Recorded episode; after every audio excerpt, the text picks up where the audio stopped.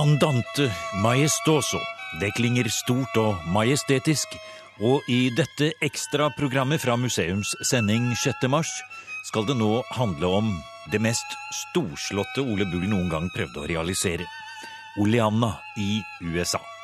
Det er Arve Tellefsen og Trondheim Symfoniorkester som spiller både denne komposisjonen og Grand March fra Cuba, som avslutter dette ekstraprogrammet, som bare er tilgjengelig her på museumspodkast-siden. Nå går vi rundt her og lukker opp dører og går i trapper. Kan vi gå på, på loftet her? Ja. Vi følger med avdelingsleder Berit Høgheim rundt i trapper og ganger i Ole Bulls eventyrhus på Lysøen, og ser hva som skjuler seg bak ganger og dører. Og nå lukker du opp en dør, og vi kommer inn i et eh, mer eller mindre moderne baderom. Men det er jo da lyst og fint og blått, og Old Spice står her i en gammel flaske. Og den utsikten, da!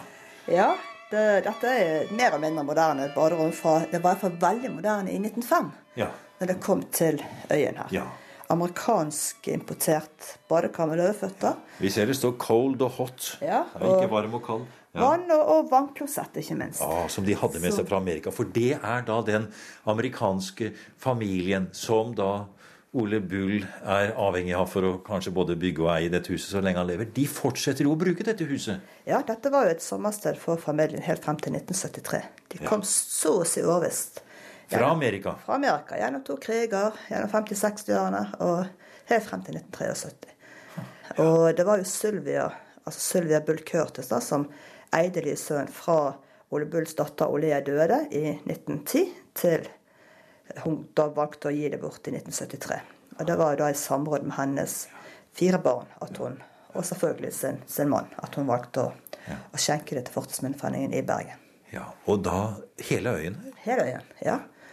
Og det er en stor eiendom på 700 mål, og med 20 bygg i forskjellige størrelser. smått og stort. Og selvfølgelig villaen som hovedbygget her, da. Så det var en fantastisk gave. Ja, og på, på en måte dette veldig morsomme og spesielle baderommet vi står i her nå, det er på en måte litt minne om kanskje den delen av husets historie, da. Ja, og det er vel kanskje også derfor at vi heter Museet Lysøen. At ikke vi heter Ole Bulls museum eller noe sånt, for dette er også et minnesmerke over hans etterkommere. For hadde ikke det vært for Sylvia Bull Curtis, hadde ikke Lysøen vært som det er i dag. Det tror jeg jeg skal tørre å skrive under på. For hun eh, brukte utrolig mye tid og tanker, og selvfølgelig ressurser, både økonomiske og praktiske, på å holde den eiendommen her i hevd.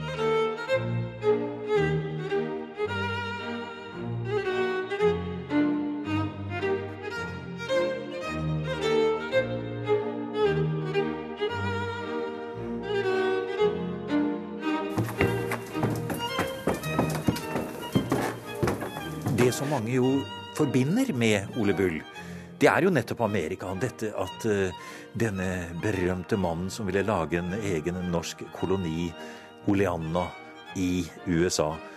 Der har du vært. For, fortell litt om hvordan det er der nå, og hva var egentlig den historien? Ja, Historien er jo det at han, Ole Bull var i Amerika i 1843.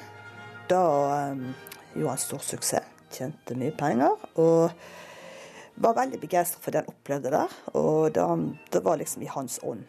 Og um, kom tilbake her til Norge. Fikk starta teateret og fikk det opp å gå. Og hadde da en tanke om at han ville lage et eget lille, lille Norge i USA. Og Det er laget eget lille Norge, sier du.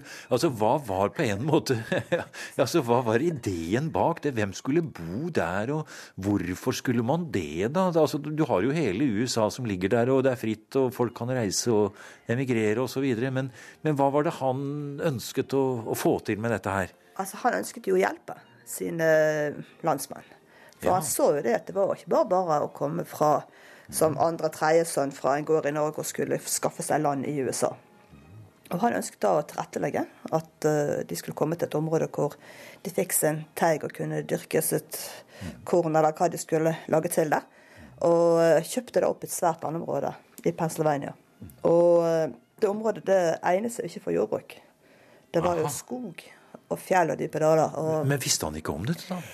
ikke sikkert i detalj.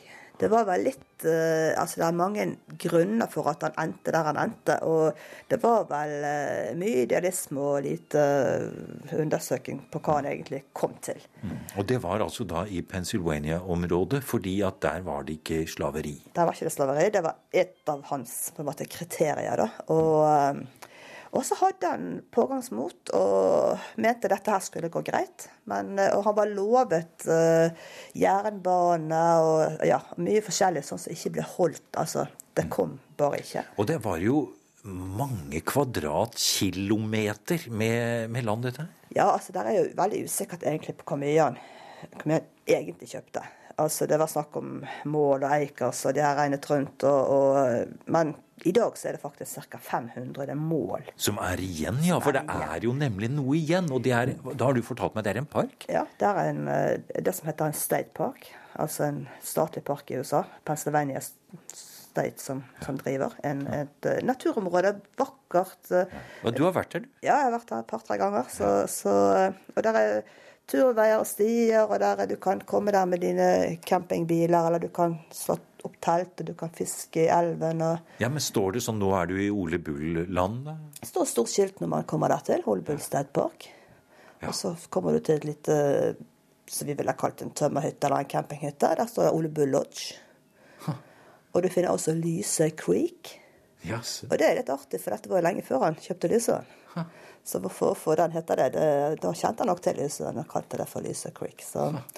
Og det var vel egentlig der dette fantastiske eventyrhuset skulle stå, holdt jeg på å si, eller ideen om et sånt hus? For han hadde jo tenkt å bygge et lite slott der. Ja, han bygget jo noe som skulle minne om et, et slott der, på flere etasjer, eller to etasjer. Og, ja. Men der er ingenting igjen av det. Der er bare et nesten hull i bakken. Og så står det en stor, eh, ja, stort skilt i tre at her sto Ole Bulls hus på en høyde med utsikt over, over dalen.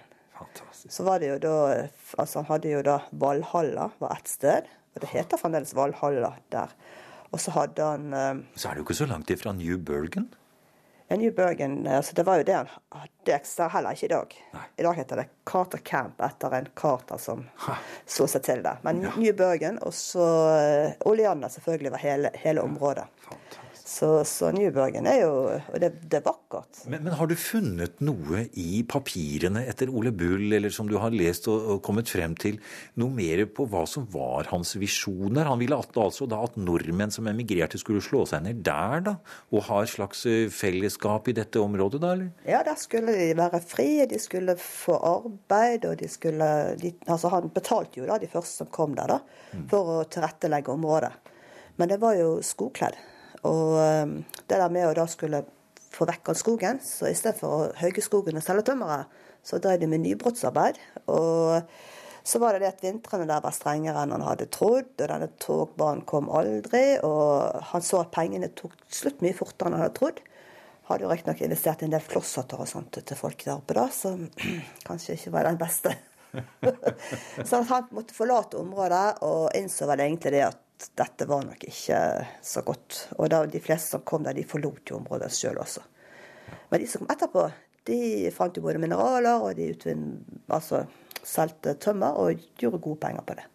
Så, så uh, han ga seg kanskje litt for tidlig der, men jeg syns det er litt sånn betegnende på at altså, Jeg ser for meg at han uh, altså Oppi alle disse ups and downs som han hadde, så var han sånn som han klarte å få folk med. Han klarte å oppbinde folk på en måte til å til å være med og få ting gjort og få samlet. Og ikke har klart å gjennomføre alt, så fikk han iallfall på en måte vekket noen tanker hos noen.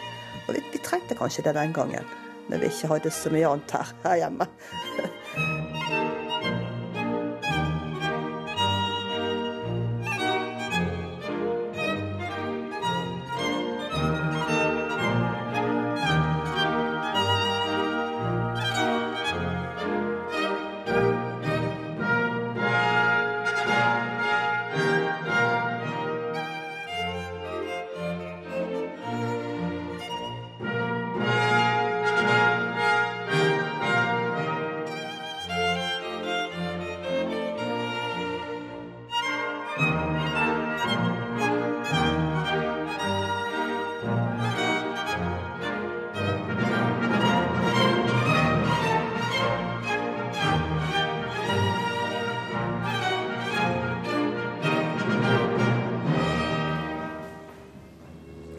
Du har nå hørt en podkast med ekstramateriale fra Museum NRK P2. Museum sendes i NRK P2 på lørdager klokken 16.03 og søndager klokken 08.03. Hvis du vil, kan du abonnere på Museum podkast i iTunes. Jeg vil gjerne ha dine synspunkter på programmet. Send kommentarer eller tips til museum.krøllalfa.nrk.no.